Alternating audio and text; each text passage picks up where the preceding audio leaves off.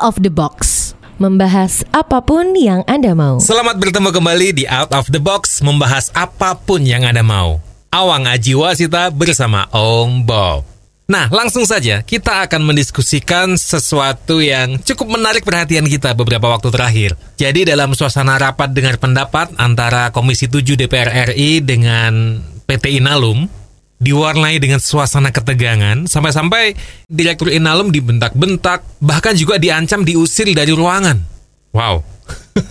Ini sebenarnya apa yang terjadi ya Om Bob? Ya memang di Indonesia itu tugasnya DPR sebagai legislatif itu kan ceritanya ya mengawasi apakah eksekutif di dalam menjalankan pemerintahannya itu uh, sudah on track atau tidak ya. Itu memang salah satu tugas dari uh, legislatif DPR di Indonesia itu adalah seperti itu ya. Hmm. adalah sah-sah saja kalau DPR itu memanggil ya salah satu BUMN yang gede di Indonesia PT Inalum untuk dengar pendapat Inggrisnya itu hearing. Apakah public hearing atau apa itulah pokoknya itu DPR kepengen tahu dah ini apa yang terjadi misalnya seperti itu ya. Jadi Inalum itu perusahaan aluminium ya yang ada di Asahan. Kalau nggak salah itu di dekat Danau Toba atau justru di Danau Tobanya itu ya. Ini perusahaannya memang gede ini. Nah sekarang perusahaan ini bagus sekali, tetapi di dalam rangka pengembangan usahanya itu dia harus melakukan utang ya perusahaan yang gede potensinya besar itu biasanya memang kekurangan modal. Kekurangan modal itu bisa didapat dari pinjaman atau pemegang sahamnya itu menyuntikkan dananya atau dari memupuk dari hasil keuntungannya sehingga ditumpuk-tumpuk-tumpuk-tumpuk baru punya duit untuk mengembangkan usaha ya Nah, kalau ditumpuk-tumpuk-tumpuk itu model kuno. Jadi kalau perusahaan kuno itu biasa kan sangat konvensional jadi takut utang. Ya. Tapi kalau perusahaan yang sudah mulai modern mulai berani utang ya. Hmm. Biasanya yang ngutangin itu ya bank ya. Kalau mau dapat bunga yang lebih murah ya bank ya. Hmm. Tapi kalau tidak mau lewat prosedur yang macam-macam, pengusaha itu biasanya pinjam ke rentenir. Ya. Rentenir itu menurut aturan pemerintah kan nggak boleh ya. Undang-undang itu sepertinya nggak boleh nih orang tuh nggak boleh sebagai rentenir. Tetapi ya namanya ini bisnis ya susah dicegah ya. Jadi kalau sekarang dikatakan apakah masih ada rentenir? Ada. Ya. Rentenir itu ada yang legal ada yang ilegal ya. Hmm. Kalau yang ilegal itu ya biasanya perumahan-perumahan pribadi-pribadi itu ya. Tapi kalau yang legal itu biasanya pakai merek-merek atau nama-nama usaha yang ya yang agak nyerempet-nyerempet ya. Mau prosedur yang agak sulit pinjam ke bank. Oke. Okay. Bunganya lebih murah, tapi prosedurnya macam-macam, termasuk harus memberi jaminan kalau nggak bayar ya jaminan itu disita. Ya okay. itu pakai prosedur ya. Nah, juga ada yang prosedur yang lebih sederhana itu lewat koperasi. Koperasi. Hmm, koperasi simpan pinjam ya itu oh, banyak iya, sekali iya, sekarang iya. ini ya dan banyak yang masalah juga itu ya. Artinya kalau sudah mempunyai koperasi simpan pinjam kan orang yang mau minjem duit itu banyak dan koperasinya itu nggak ada dana yang cukup, biasanya dia merekrut anggota dalam tanda petik. Di mana anggota tadi itu ceritanya menitipkan uang, istilah kalau di bank kan mendepositokan uangnya ya atau menabung begitu. Nah, uang ini diputarkan oleh koperasi untuk dipinjamkan. Nah, okay. ini prosedurnya untuk pinjam di koperasi simpan pinjam itu lebih mudah. Ya, tetapi biasa kalau lebih mudah bunganya lebih mahal. ya, harus daftar dulu, KTP-nya begitu, macam-macam lah.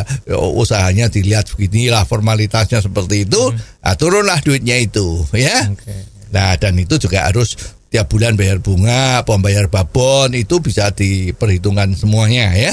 Ini prosedurnya sedikit. Prosedurnya sedikit. Nah, sekarang yang lebih hebat lagi prosedur yang sangat enak cuman kenal ya oh saya kenal sama Yu oke Yu kerjanya apa oh saya dagang di pasar eh, jual kain Wah, atau jual hijab misalnya gitu kan oh ya udah mau pinjam berapa 10 juta 20 juta 30 juta oke langsung dikasih Modal kepercayaan. Iya, kepercayaan saja. Nah, kalau udah seperti itu ya bunganya agak lebih tinggi ya. Ah. Tingginya itu kalau dalam angka kecil ya nggak kelihatan ya misalnya satu bulan 4% atau 5% itu Ah. kalau pinjamnya sedikit kan nggak kelihatan. Ya kalau pinjamnya buahnya, oh jebulnya bunganya mencekik akhir itu. Nah jadi pinjaman-pinjaman itu ada seperti itu. Yang perusahaan yang sudah go public atau perusahaan yang gede sekali itu biasanya kalau pinjam tuh melalui pasar modal, melalui pasar uang. Jadi dia menerbitkan yang namanya obligasi. Nah, kalau dia keluarkan obligasi, ah, biasanya ada yang jamin ya, yang jamin itu yang jual. Ini ada perusahaan Inalum misalnya ya, itu menjual obligasi. Artinya itu ya dia utang obligasi itu. Ya utang jangka panjang 10 tahun, 8 tahun, 12 tahun, 20 tahun ya. Nah, negara Indonesia kan juga mengeluarkan obligasi itu. Ada yang US dollar, ada yang umurnya 30 tahun, artinya 30 tahun baru dibayar lunas.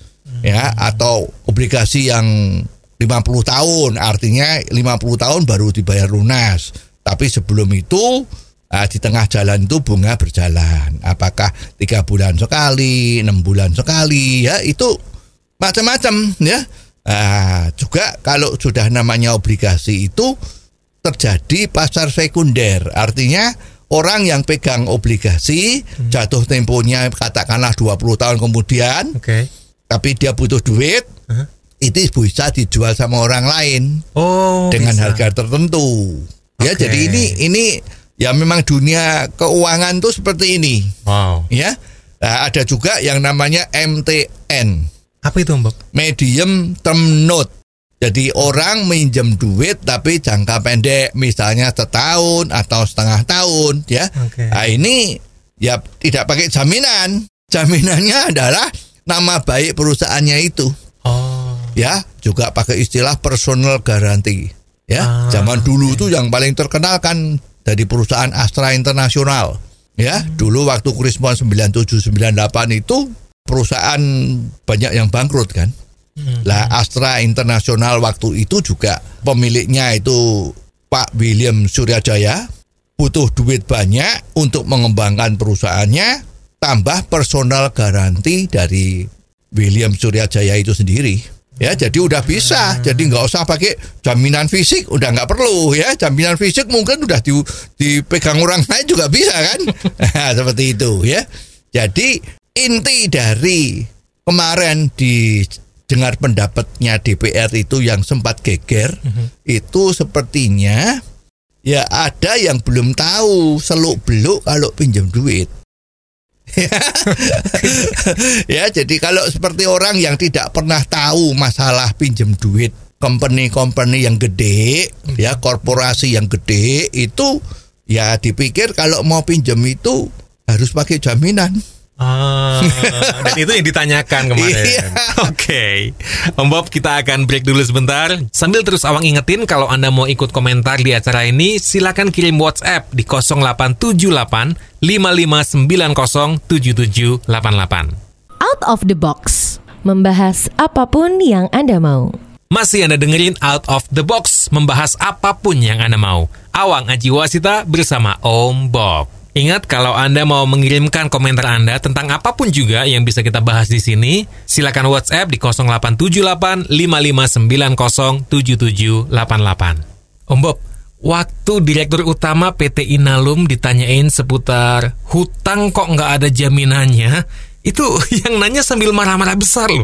Jadi persoalannya itu karena ada yang tidak tahu ya. Jadi direktur kita yang hebat ini, direktur Inalum ini luar biasa nih orang ini. Ya, luar biasa sekali dan dia prestasinya udah bagus. Ya, satu-satunya uh, perusahaan aluminium di Indonesia yang terkenal. Ini ya santai aja waktu ditanyain. Eh, ini kalau utang tuh apa tidak pakai jaminan? Ya susah jawabnya. Jadi ini artinya yang bicara keras kemarin itu adalah kamusnya beda. Ah, beda Jadi- pemahaman. Ya, pemahamannya beda. Yang kalau harus dijelaskan, ya ada risikonya. Resikonya apa, yang tidak tahu kalau dijelaskan mendetail, tadi kan kita bicara agak mendetail ya. Ah, ah. Ya kita karena nganggap ada orang yang nggak tahu ya. Tapi kalau di DPR yang terhormat itu kan Masa nggak tahu? Wah, mestinya sudah tahu ya kan? Iya, iya, iya. Lah nanti kalau terus direktur tadi itu menjelaskannya detail seperti tadi itu, wah bisa geger. Beda cerita lagi nanti. Iya beda cerita lagi. Nanti bisa lo kamu menjelasin apa dipikir saya tidak tahu, Wah, repot lagi. Oke. Dan celakanya itu di Indonesia itu sering terjadi ya. Ada orang-orang tidak semua ya itu yang diistilahkan kalau malu bisa jadi marah besar. Jadi sekarang orang-orang direktur-direktur kita kalau dipanggil sama DPR ya memang harus hati-hati. Ya, jawabnya harus hati-hati. Maka kalau kita tahu kemarin itu direktur Inalum ini kan santai Mm, mm, mm. Betul, ya, betul, betul. Ada yang marah-marah tapi dia santai. Bahkan kemarin marahnya kan kalau you nggak punya data yang seperti ini lebih baik nggak usah ikut rapat lagi disuruh keluar. Nah tapi ya kita punya direktur ini cukup cool. Dia tahu masalahnya ini. Kalau dijelaskan malah nggak karuan, ya lebih baik ya baik gitu aja. Jawabnya minta izin sama ketua pemimpin sidang kalau memang dia harus keluar dari sidang itu ya dia akan keluar. Kan begitu ya. Jadi sebetulnya masalahnya yang menanyakan itu kemungkinan ditanyakannya A tetapi direktur kita jawabnya B ya kan atau gimana lah pokoknya ini eh, antara yang nanya sama yang ditanyain itu value-nya beda pengetahuannya beda. Nah ini menjadi repot. Jadi memang kalau ini diterus-teruskan, ya makin kelihatan nanti siapa yang betul, siapa yang salah ya. Jadi ya beruntunglah ini nggak eh, sidangnya ini nggak di live kan ya. Jadi jadi orang nggak ngerti apa yang terjadi. Coba kalau di live kan, waduh ya eh, repot. Tapi Om Bob, sang anggota DPR ini kalau kita lihat datanya kan beliau sudah terpilih lebih dari satu kali loh. Ya memang. Ya jadi memang biasanya eh, di Indonesia itu kalau sudah ada pejabat habis masa jabatannya ya relatif lebih mudah untuk menduduki posisi jabatan yang kedua dan ketiga berikutnya misalnya ya. Eh, karena anggota DPR itu kan tidak ada batasnya maksimum hanya boleh jadi anggota dua kali kan nggak ada itu ya. Lah cuman ya itu di dalam pemilihan anggota legislatif ini kemungkinan ada sesuatu yang perlu diperbaiki ya agar supaya yang duduk di dalam eh, parlemen itu betul-betul orang yang kompetensinya benar atau katakanlah kalau kompetensinya merasa agak kurang tahu ya nggak usah repot-repot. Artinya dia harus meng-hire yang namanya misalnya kalau yang di dunia swasta umumnya itu kan ada yang namanya PA, personal assistant. Personal assistant. Nah, tapi kalau Oke. di DPR mestinya mereka harus punya staf ahli. Oke. Jadi dia ngangkat sekretaris staf ahli. Kalau anggota DPR itu karena jabatannya itu jabatan politik, dia kemungkinan tidak mengetahui detail masalah utang mengutang ini. ya dia kan hire orang. Hai, kamu jago finance ya. Aku mau minta pendapat dari kamu nih. Ah. Ya, bapak saya besok akan ada rapat. Ini yang dipanggil ini ini ini ini. Ya, kira-kira apa yang perlu ditanyakan.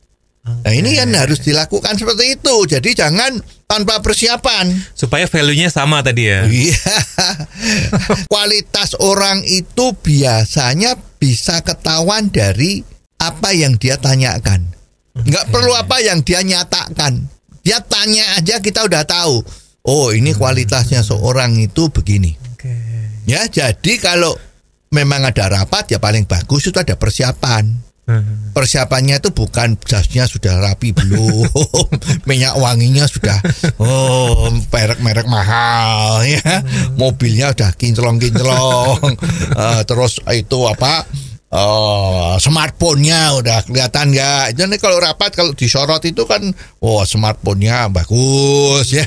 Tapi sebetulnya memang harus software-nya, software yang di dalam pemikirannya itu yang penting. Oke, ini karena perusahaan ini yang kita panggil Inalum, oh sepertinya kok ada suara-suara negatif dari Inalum ini apa? Ya, nah terus pertanyaannya harus gimana? Ini harus konsultasi. Ya, yang jagoan tadi itu kan mungkin nasib aja dia nggak jadi anggota DPR kan. nah, mestinya kalau memang mau baik ya itulah langkah yang terbaik dari para anggota legislatif kita. Jadi kalau mau rapat itu ya pikirin dulu siapa yang dipanggil, bagaimana background dari perusahaannya itu, apa langkah-langkah selama ini yang dia lakukan, dan dia minta pendapat sama orang yang hebat. Kalau urusannya itu SDM-nya yang nggak beres, ya tanya sama jago SDM. Oke, well Om Bob kita harus break dulu sebentar dan jangan ke mana-mana. Kita akan kembali lagi di Out of the Box membahas apa pun yang Anda mau. Out of the box. Membahas apa pun yang Anda mau. Out of the Box membahas apa pun yang Anda mau. Awang Ajiwacita bersama Om Bob. Oke, kita lanjutin lagi ya. Kalau kita nyari orang-orang yang pinter-pinter tadi, yang untuk kita konsultasi, kita nanya-nanya gitu, mungkin orang itu nggak ada atau kita nggak kuat bayar itu, itu gimana coba? Ya, namanya seorang anggota legislatif ya, itu kan pengetahuannya kan harus maju terus. Ya, jangan cuman seperti kata dalam tempurung kan. Ya, dalam satu kubangan tok. Wah, ini saya sudah jadi anggota legislatif, berarti saya yang perlu saya ketahui masalah hukum, hukum, hukum, hukum. Wah, nggak Oke. bisa. Kalau dia ada masalah yang seperti ini dan dia cari orang-orangnya itu nggak ada. Cari orang itu kan nggak mudah. Ya kalau nggak kenal ya mungkin loh siapa nih? Saya nggak kenal you nanti saya tanya salah-salah tanya-tanya saya salah dianggap salah bisa Nah, repot gitu. ya kan? Lah kalau memang nggak ada ya yang bersangkutan tuh harus baca buku. Oh. Banyak baca buku, literatur-literatur. Toh sekarang kalau anggota legislatif itu kan bahasa Inggrisnya pasti cacisus kan. itu coba kalau diwawancara di TV itu kan, wah kalau anggota legislatif itu cacisus bahasa Inggrisnya. Nah baca buku-buku bahasa Inggris yang merupakan sumber dari semua ilmu pengetahuan. Baik hukum, baik demokrasi, baik manajemen itu kan dari sana asalnya. Ya dibaca, nah baru bikin pertanyaan yang bagus. Tapi yang menarik adalah ini tuh tersebar luas banget loh Om Bob. Iya, kita harus berterima kasih sama media yang membocorkan. Baik media konvensional, ada majalah atau harian, ya, koran, apa juga yang sosmed. Ya, itu memang sekarang kan zamannya udah bukan zaman tertutup ya. Jadi mungkin pada saat terjadi eh, situasi panas seperti itu, oh, anggo- ada anggota yang lain yang diam-diam nyoting pakai videonya di smartphone-nya kan bisa. Smartphone-nya kan mahal-mahal semua itu pasti bisa kan. Kualitasnya bagus-bagus ya. Terus diupload ya. Nah ini juga kita terima kasih.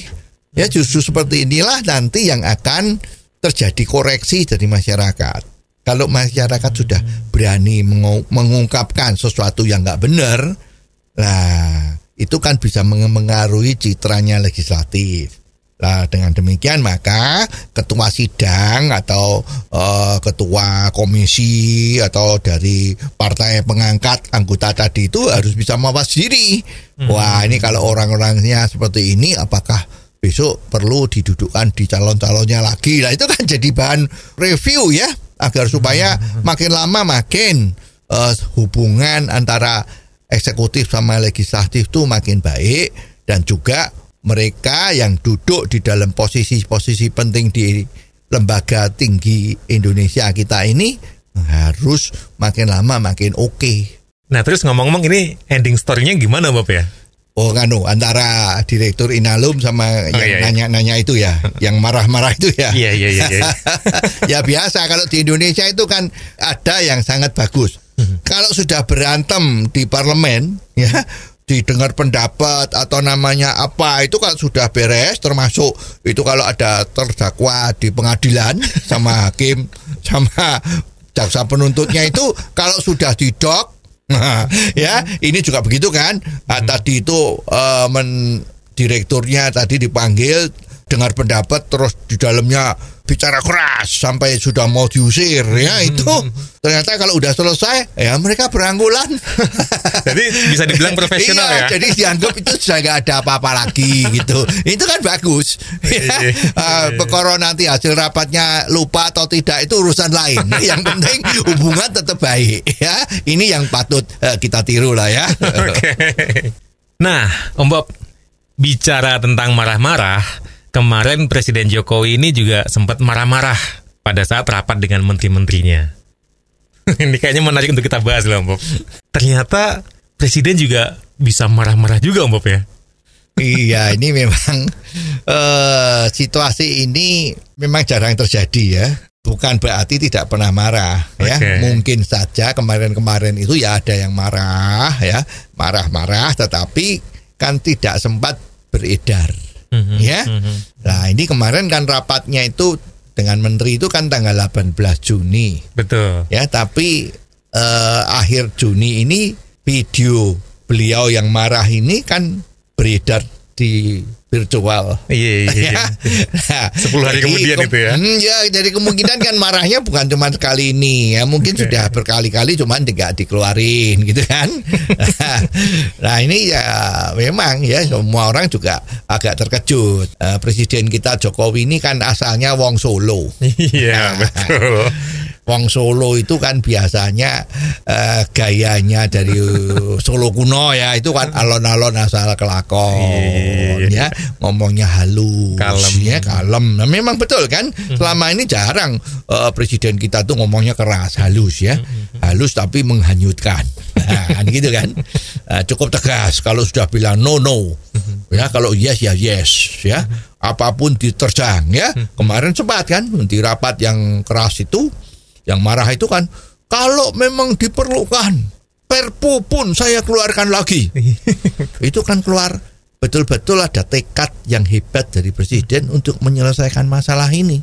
Ya ini yang disoroti oleh Jokowi ini kan COVID-19 Mhm. ya Indonesia itu kan termasuk negara yang terakhir kenanya ya Hmm. jadi lain negara itu sudah akhir tahun awal tahun tapi di Indonesia ini kan kira-kira mulai Februari Maret itu Betul. baru ada nah sekarang pemerintah sudah menggelontorkan uang begitu banyak perpu dasar hukum agar supaya pengeluaran-pengeluaran semua dana yang untuk mengatasi COVID-19 ini sepertinya sudah bisa tidak ada hambatan lagi. Jadi yang pakai uang ini asal tujuannya untuk itu tidak akan dipermasalahkan apakah sudah ada rencananya, apakah sudah ada persetujuan ya itu ini sudah menjadi nomor dua. Yang penting cepat-cepat itu COVID itu hilang dari Indonesia Oke. cepat-cepat penderitaan dari rakyat atau orang yang kena COVID ini cepat selesai. Bila perlu, jangan mahal-mahal biayanya ya. Kemarin itu kan orang yang menderita COVID kalau berani masuk rumah sakit itu bisa habis 500 juta. Oh. Ya sewa ventilatornya mahal, ruang isolasinya, ya macam-macam itu kalau kita lihat daftar harga dari beberapa rumah sakit swasta ya, itu di atas 500 juta. Wow. Kalau mau kamar perseorangan itu isolasi bisa juga isolasi dua orang sama keluarganya misalnya gitu ya. Itu di atas 500 juta. Nah, dengan adanya anggaran yang disiapkan dengan pemerintah ini kan diharapkan rakyat yang menderita kena Covid ini ya jangan sampai bayar mahal-mahal. Mhm. Kalau diperlukan alat-alat kesehatannya, oke. Diperlukan rapid test atau swab test itu harus cepat-cepat ada. Kalau harganya mahal, nah pemerintah punya duit bisa disubsidi agar supaya murah, supaya semua orang banyak mengadakan swab test swab test. Jadi betul-betul tahu datanya benar atau tidak. Dipakai untuk beli yang namanya rapid test itu ada yang bikinan Amerika, ada yang bikinan Tiongkok ya. Terus juga eh, swab test itu kan belum bisa dibuat di Indonesia ya. Jadi harus diimpor. Nah, ini harus cepat. Jadi dengan adanya dana yang besar yang sudah siap digelontorkan ini mestinya kerjanya bisa lebih cepat. Ya, termasuk juga dana itu kan dana untuk memberi bantuan kepada rakyat yang terkena dampaknya. kemarin tuh ada PSBB ya. Yuk ada jam malam jam malam kecil-kecilan kampung misalnya itu ya. Nah, toko-toko pada saat awal itu warung, toko makan, macam-macam yang jual macam-macam itu kan juga tidak bisa beroperasi penuh. Jadi rakyat yang kerjanya sehari-hari itu dapat duit baru untuk makan, kan nggak punya penghasilan. Nah, itu kan sudah ada dana-dana bantuan tunai tadi itu ya, yang bulan 600 ribu atau berapa itu ya, yang katanya akan dibagikan selama tiga bulan berturut-turut, paling sedikit orang yang nganggur, yang tidak punya penghasilan bisa beli makan. Ya itu yang syarat utama ya kan, itu kelihatannya sudah juga ada dananya ya, tetapi ya memang ya eh, ada suara satu dua yang mengatakan ini kok nggak lancar, ada juga yang kok yang dikena dapat bantuan malah orang yang eh, anggota dari aparat pemerintah ya. Terus ada yang orang-orang kaya kok malah dapat misalnya seperti itu ya. Jadi memang ini problem. Oke. Tunggu Om Bob, kayaknya kita mesti break dulu deh. Sambil terus awang ingetin, untuk Anda yang mau kirim komentar tentang apa pun itu, silakan kirim via WhatsApp di 0878 5590 7788. Kita kembali sesaat lagi. Out of the box. Membahas apa pun yang Anda mau. Terima kasih Anda masih bersama dengan Awang Aji Wasita dan Om Bob. Tentunya di Out of the Box membahas apa pun yang Anda mau. Masih kita tunggu komentar Anda di 0878 5590 7788 kalau Anda punya sesuatu yang bisa kita bahas di sini. Tentang apa pun juga. Nah, seputar presiden yang marah-marah kemarin Om Bob. Itu kira-kira yang bikin beliau marah apa ya? presiden kan orang nomor satu. Dia kan nggak bisa melihat sampai detail ke bawah kan? Jadi dia taunya cuma anggaran. Ini ada anggaran sekian untuk tujuan ini. Kenapa kok belum habis? Atau baru dipakai sedikit sekali padahal ini sudah jalan 4-5 bulan. Kan ini yang dipertanyakan. Betul juga ya jadi dia nggak bisa ngecek kelurahan salah satu kelurahan. Bagaimana BLT-nya baginya benar atau tidak? Ya, bukan Itu kan tugasnya bukan beliau juga. Iya, betul. beliau. Iya. beliau melihat apakah berjalan. Anggarannya kok baru dipakai sedikit. Lah ini memang perlu dipertanyakan. Ya jadi kemarin mungkin. Kemarin pertanyaannya itu kan gaya orang Solo itu kan tidak direct ya Eh, tanyanya mungkin hai tolong tuh anggaran itu sudah dijalankan cukup benar apa enggak? Ya Eh, jangan sampai pelan-pelan lo ya. Harus cepat ini situasinya seperti ini. Mungkin gaya ngomongnya seperti itu. Ya tapi belakangan ini sudah sudah banyak yang sudah nggak kuat di rumah ya. Sudah stres. Stay at home. Work at home itu sudah stres semua. Orang yang biasanya keluar setiap malam minggu atau sebulan sekali itu jalan-jalan ke puncak gunung. Ini udah nggak kuat lagi nih kalau udah 3-4 bulan nggak ke mana-mana. Repot kan? Nah tapi kok belum selesai-selesai urusannya. Nah saatnya lah bicara lebih keras ya. Nah, dengan bicara lebih keras kan diharapkan bisa semuanya jalan lebih lancar. Itu kira-kira yang menghambat apa sih Om Bob? Ya kalau melihat situasi ini kan presiden kan punyai bawahnya itu kan menteri. Mhm. Memang pertanggung jawabnya ini ada di menteri, Oke. ya. Tapi menteri kan juga nggak bisa melaksanakan sendiri. Ada yang namanya dirjen, Yes. ya. Setelah dari dirjen itu ya birokrasi lagi yang melaksanakan ke bawah direktur, Ah, ya iya, bagiannya iya, ya. Betul, betul. Nah sekarang direktur juga ada toh. Wah kalau ini sifatnya nasional kan ada yang daerah tingkat dua. Nanti ada daerah tingkat satunya, ya kan? Nah itu kan perentetan birokrasi nggak karuan nih. Hmm. Ya, nah terus yang di bawah itu kan ada yang namanya pimpinan proyek. Oke. ya. Nah, Pimpro. Nah, sekarang kalau lihat situasi pengalaman Indonesia kemarin-kemarin itu orang lebih baik memilih dimarahin atasannya daripada Daripada? menjadi Pimpro. kalau jadi Pimpro ada risiko. Risikonya apa Bob? Nah, ini risikonya bisa dianggap bahwa you tidak jalankan prosedur dengan benar. Ya, jadi peraturannya itu masih bisa abu-abu ya. Oke. Kan banyak contoh itu ya. Banyak contoh eh, pejabat-pejabat kita yang kemarin itu eh, menjadi pimpro atau orang yang bertanggung jawab mengeluarkan anggaran, Mhm. ya itu masuk pengadilan, Hmm. ya disidang, diselidiki, terus naik banding. Ada juga yang bebas ya, ya juga ada yang harus minta kasasi ya itu Oke, jadi oke. sebelum itu selesai sudah masuk penjara dulu itu macam-macam itu kan ternyata ada yang ini ya. Karena dianggap melanggar prosedur. Hmm. ya jadi orang-orang sekarang yang di bawah yang melaksanakan tugas bukan PLT ya yang bertanggung jawab untuk melaksanakan pekerjaan yang di bawah ini takut. Karena nanti kalau dicari-cari masalah dia yang masuk penjara. Dia yang kena ya. Ya, tapi menterinya tidak. ya, atau eh, direkturnya tidak, dirjennya juga tidak, yang kena dia. Jadi lebih bagus aku dimarahin aja. Lah ini nggak belum jalan-jalan ya Pak, ini susah ya. Ya kita cari orangnya nggak ada gitu. ya. ya, kalau sudah seperti itu gimana? Ya otomatis macet. Duitnya nggak bisa keluar juga. Yang mau mengeluarkan duit juga takut. Ini nanti, wah ini belum ada izin atasan. Gimana? Ya izin atas. Kalau nggak diizinkan atasan nanti saya mengeluarkan uang ini untuk keperluan apa tadi itu. Pertanggung jawabnya bisa dipertanyakan. Saya bisa masuk penjara. Dituduh korupsi. Ya dituduh eh, menyalahgunakan kekuasaan.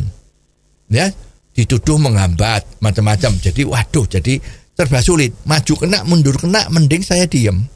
Paling dimarahin kalau dimarahin kalau saya pejabatnya eselon 3 ya tidak mungkin saya diturunkan Oke Om Bob, sebentar, sebentar, sebentar. Ini tuh sebenarnya kalau permasalahan kayak gini tuh intinya tuh di mana Om Bob ya? Ya, kalau kita lihat birokrasi yang sedemikian rupa dan dikatakan orang tidak berani bertanggung jawab dari tingkat bawah sampai atas, ini memang ada sesuatu yang perlu dipikirkan. Ada apa?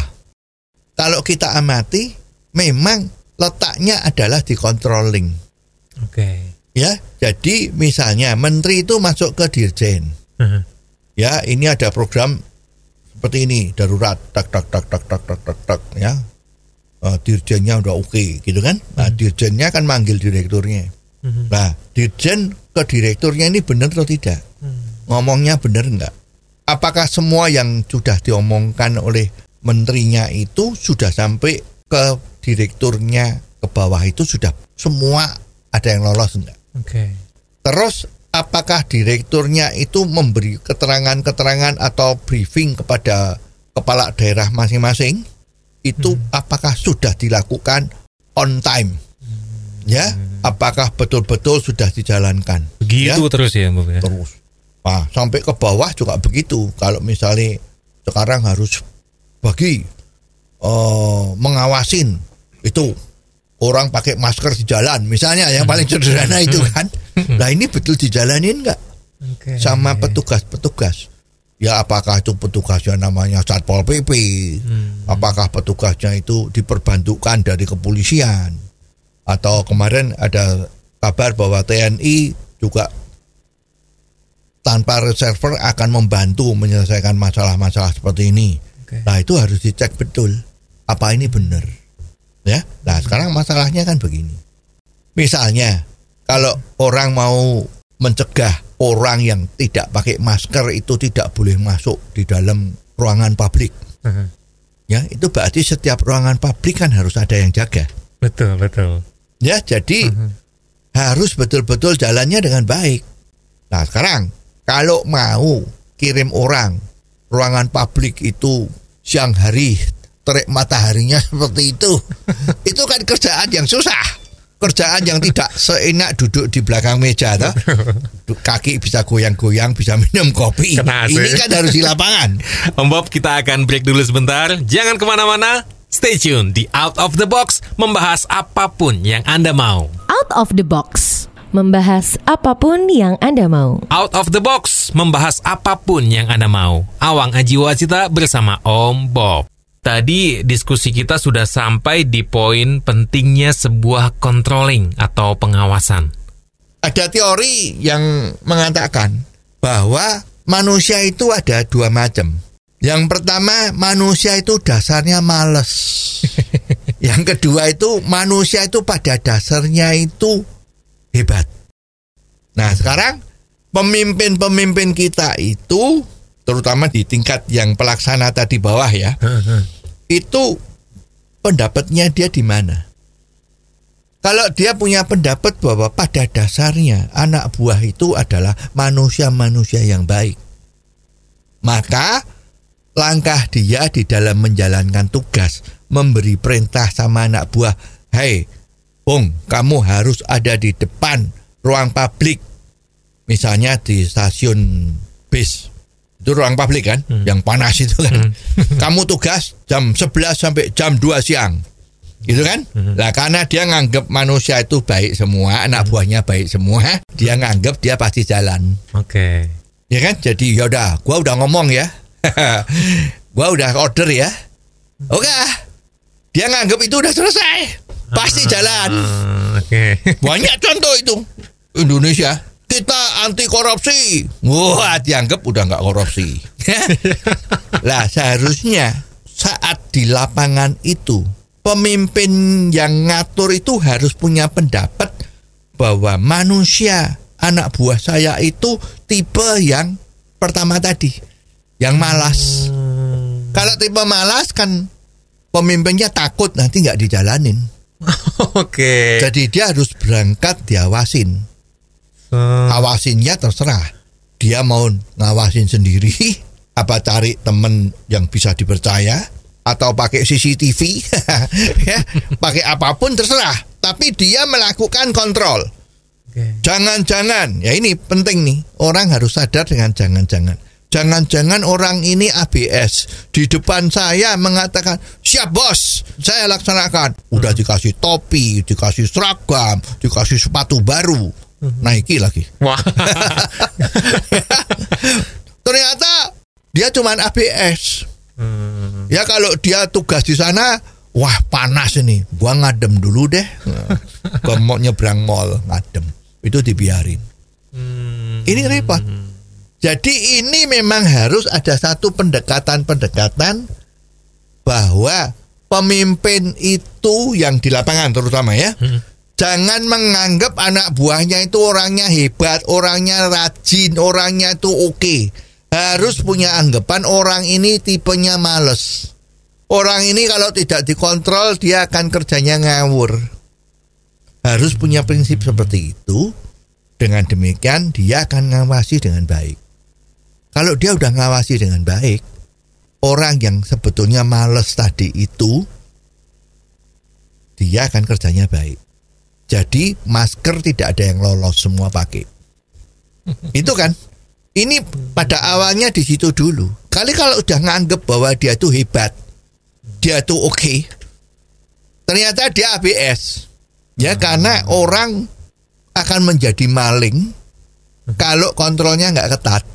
Itu konsepnya seperti itu. Jadi tadi yang dianggap baik, ya tapi dia merasa di dalam tugasnya itu, aduh kok panas ya. Waduh saya haus nih.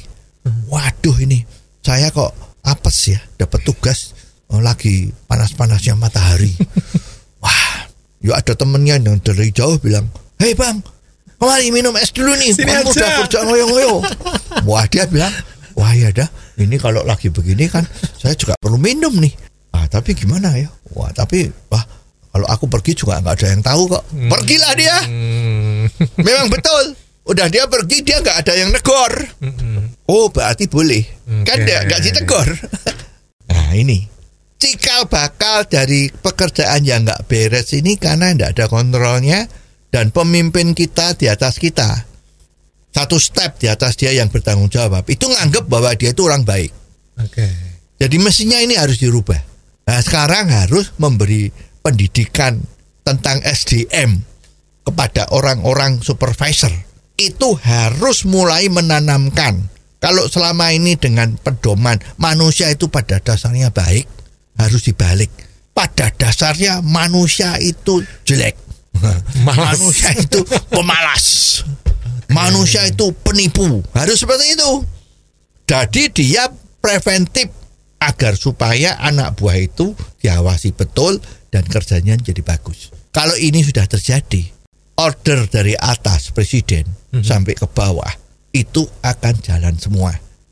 Ya, jadi contohnya juga dirjennya harus mikir para direkturnya itu kalau nggak dikontrol juga bisa repot. Jangan kontrolnya menunggu laporanmu mana. Laporan itu bisa ABS.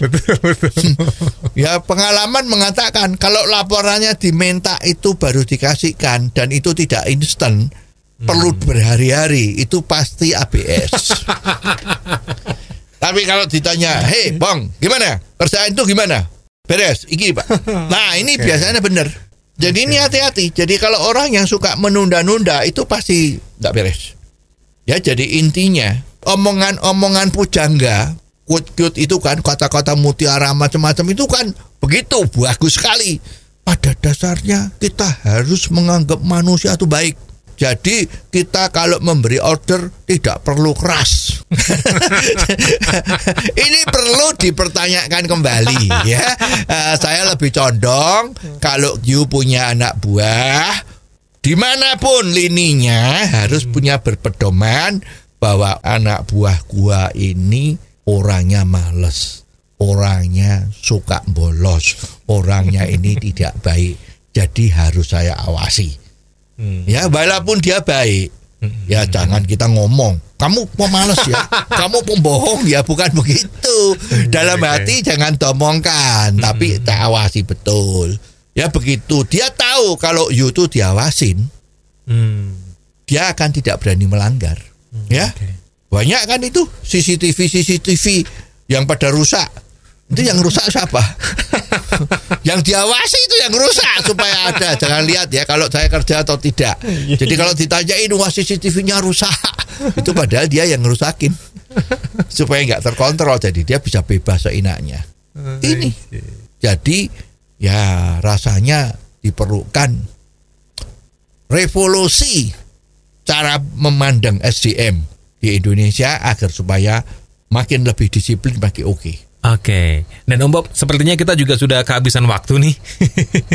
Jadi sekali lagi terima kasih untuk pembahasannya dan mohon maaf juga episode kali ini kita belum bisa membacakan komentar-komentar yang masuk, tapi tetap terus kita tunggu. Silakan, Anda bisa kirim komentar tentang apa pun juga yang bisa kita bahas di sini via WhatsApp di 0878 5590 7788 atau Anda bisa kirim via email ke alamat apa pun yang Anda mau at gmail.com. Kita akan ketemu di episode selanjutnya, Awang Aji Wasita bersama Om Bob. Tentunya di Out of the Box, membahas apa pun yang Anda mau. Out of the box. Membahas apa pun yang Anda mau.